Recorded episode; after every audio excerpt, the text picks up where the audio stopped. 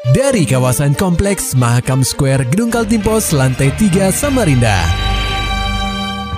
96,8 KPFM. Kita akan ikuti program KP Flash News.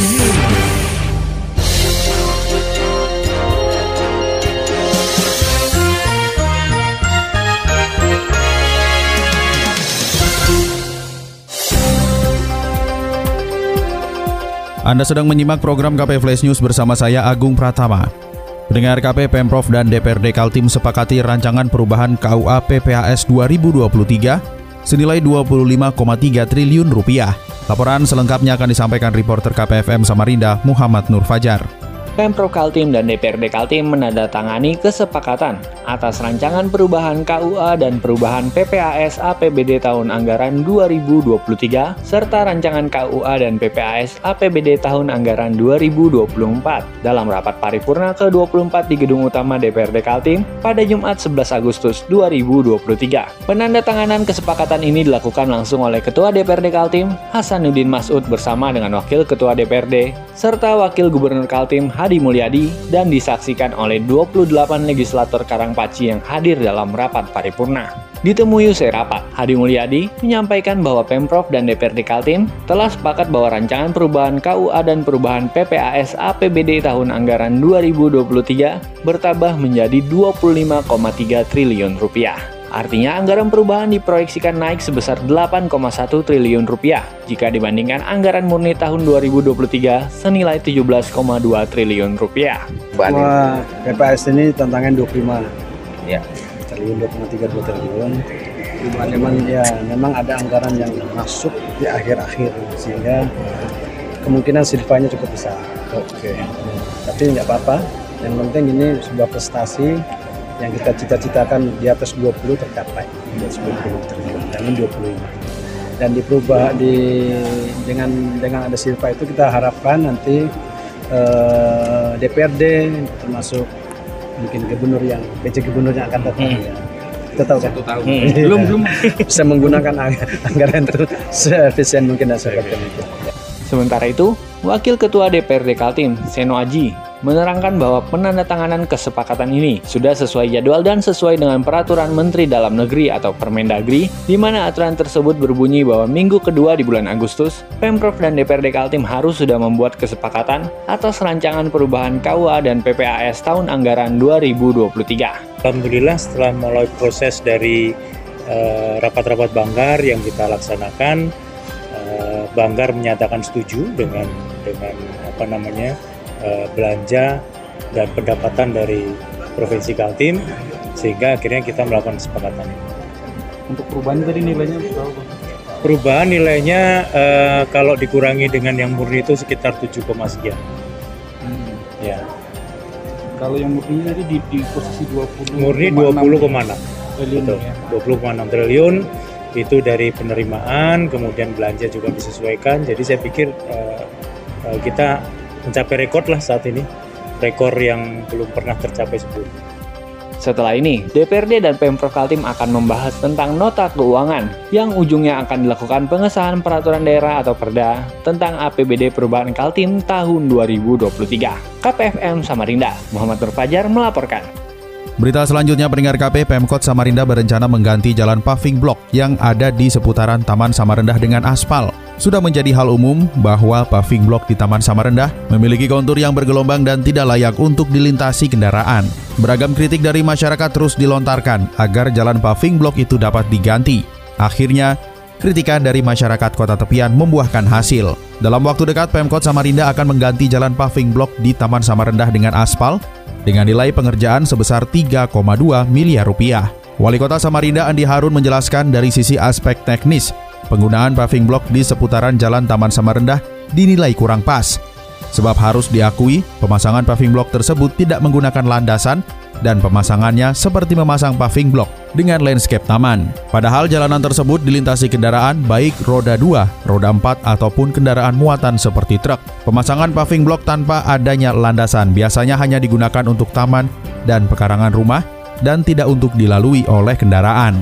Imbasnya kesalahan dari sisi teknis inilah Mau berkali-kali pun Pemkot melakukan perbaikan terhadap paving block yang bergelombang, tetap saja tidak akan membantu karena landasannya hanya pasir. Akhirnya sebanyak apa pun kita melakukan perbaikan terhadap gelombang yang ada di sana, memang tidak bisa terbantu karena eh, landasannya cuma pasir. Ya. Jika pasirnya ketemu dengan area tanah yang padat, ya kemungkinan bisa bertahan lama.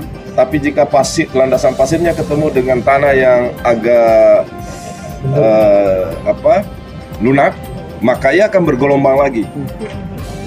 Tapi yang paling penting bahwa Taman Samarinda itu bukan sekedar taman, tapi merupakan lalu lintas kendaraan uh, roda dua dan roda empat. Oleh sebab itu, uh, saya mengambil kebijakan untuk kita ganti menjadi aspal. Sekarang tinggal bagaimana agar itu tidak menjadi dijadikan nanti area balapan. Kita tinggal memasang apa? Speed bump. Ya. Tapi yang tidak mengganggu ya kayak relatif landai. landai. Setelah mengganti paving block dengan aspal, Pemkot Samarinda juga akan memperhatikan sistem drainase di seputaran Taman Samarinda sehingga jalan tersebut tidak tergenang air ketika turun hujan. Pendengar KP kurang dari dua bulan lagi, masa jabatan gubernur dan wakil gubernur Kaltim yakni Isranur dan Hadi Mulyadi akan selesai. Namun sampai saat ini belum ada nama-nama resmi yang dipilih DPRD Kaltim untuk mengisi jabatan sebagai penjabat atau PJ Gubernur Kaltim sepeninggalan Isran Hadi pada Oktober mendatang. Meski demikian terdapat beberapa nama yang muncul sebagai kandidat kuat PJ Gubernur Kaltim antara lain Dirjen Otda Kemendagri Akmal Malik, Dirjen Bimbingan Masyarakat Islam Kemenak Kamarudin Amin, serta Rektor Universitas Mula Warman Abdunur. Wakil Ketua DPRD Kaltim Seno Aji menyampaikan sejauh ini nama-nama yang muncul di permukaan hanya sekedar isu yang dilempar ke publik. Mengingat sampai saat ini unsur pimpinan di Karangpaci belum ada melakukan pembahasan resmi terkait nama-nama yang akan diusulkan menjadi PJ Gubernur Kaltim. Seno menjelaskan, adapun kriteria yang harus dipenuhi untuk bisa menjabat sebagai PJ Gubernur Kaltim adalah aparatur sipil negara atau ASN dengan tingkatan jabatan minimal eselon 1 di tingkat nasional ataupun daerah. Namun di sisi lain, Seno juga menginginkan orang yang menjabat sebagai PJ Gubernur Kaltim nantinya merupakan putra daerah. Tentu saja yang pasti adalah putra daerah. Nah, itu penting bagi kita. Artinya adalah eh, dia dia eh, menjadi putra daerah Kaltim tapi ber, berkarir di eh, apa namanya eselon 1 ya. Itu yang pertama, kemudian yang kedua dia mengerti tentang Kalimantan Timur, eh, mengerti tentang masyarakatnya, itu kemudian arah pembangunan dia dia mengerti. Itu aja deh.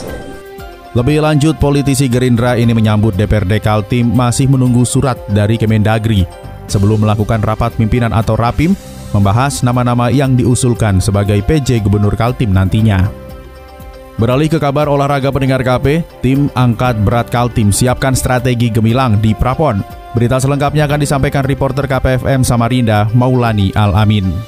Perkumpulan Angkat Berat Seluruh Indonesia atau Pabersi Kaltim siap menghadapi kualifikasi Pekan Olahraga Nasional atau Prapon yang akan terselenggara di Lampung pada 17 hingga 21 Oktober mendatang. Dalam rapat kerja provinsi di ruang rapat Gedung KONI, sejumlah program dibahas, mulai persiapan seleksi provinsi atau Selekprov hingga evaluasi kinerja di tahun 2023. Pelaksana tugas Ketua Pabersi Kaltim Hendra Radinal Ari menerangkan, Raker Prof fokus membahas hasil dalam Porprov Kaltim Debrau tahun lalu. Kemudian, menetapkan program yang dijalankan pengurus pada tahun ini.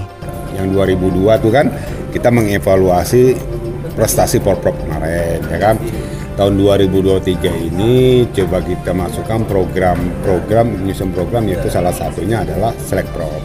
Selekprov ini untuk kegiatan membentuk tim tim tim inti daripada Prapon Lampung mendatang. Selekprov atlet angkat berat akan terpusat di Gor Kadri Uning Samarinda. Pelaksanaannya dimulai 10 hingga 13 Agustus. Sedikitnya ada 60 nama yang bakal mengikuti Selekprov. Sementara itu, Ketua KONI Kaltim Rusdiansyah Aras yang membuka kegiatan itu berharap tim angkat berat bisa mengikuti jejak saudaranya angkat besi dan binaraga yang meraih hasil gemilang di Prapon. Nah, kita berharap angkat berat juga akan menyusul saudaranya seperti angkat besi dan binaraga. Ini harapan kita. Maka karena itu Raker Prop hari ini saya hakul yakin program yang akan disusun adalah jangka pendeknya adalah bagaimana kita menghasilkan sesuatu yang terbaik dalam rangka menghadapi prapon yang akan datang di Lampung. Rusdi menjelaskan, angkat berat Kaltim sudah membuktikan kapasitasnya di PON ke-20 tahun 2021 di Papua. Torehan yang didapat skuad Kaltim adalah satu medali emas, dua perak, dan satu perunggu. KPFM Samarinda, Maulani Al-Amin melaporkan. Maulani Alamin, Muhammad Nur Fajar, KPFM Samarinda. Serta dapatkan berita-berita selengkapnya di www.968kpfm.co.id. Demikian tadi telah kita simak rangkaian berita-berita yang terangkum dalam program KP Flash News. Persembahan dari 96,8 KPFM. Terima kasih dan sampai jumpa.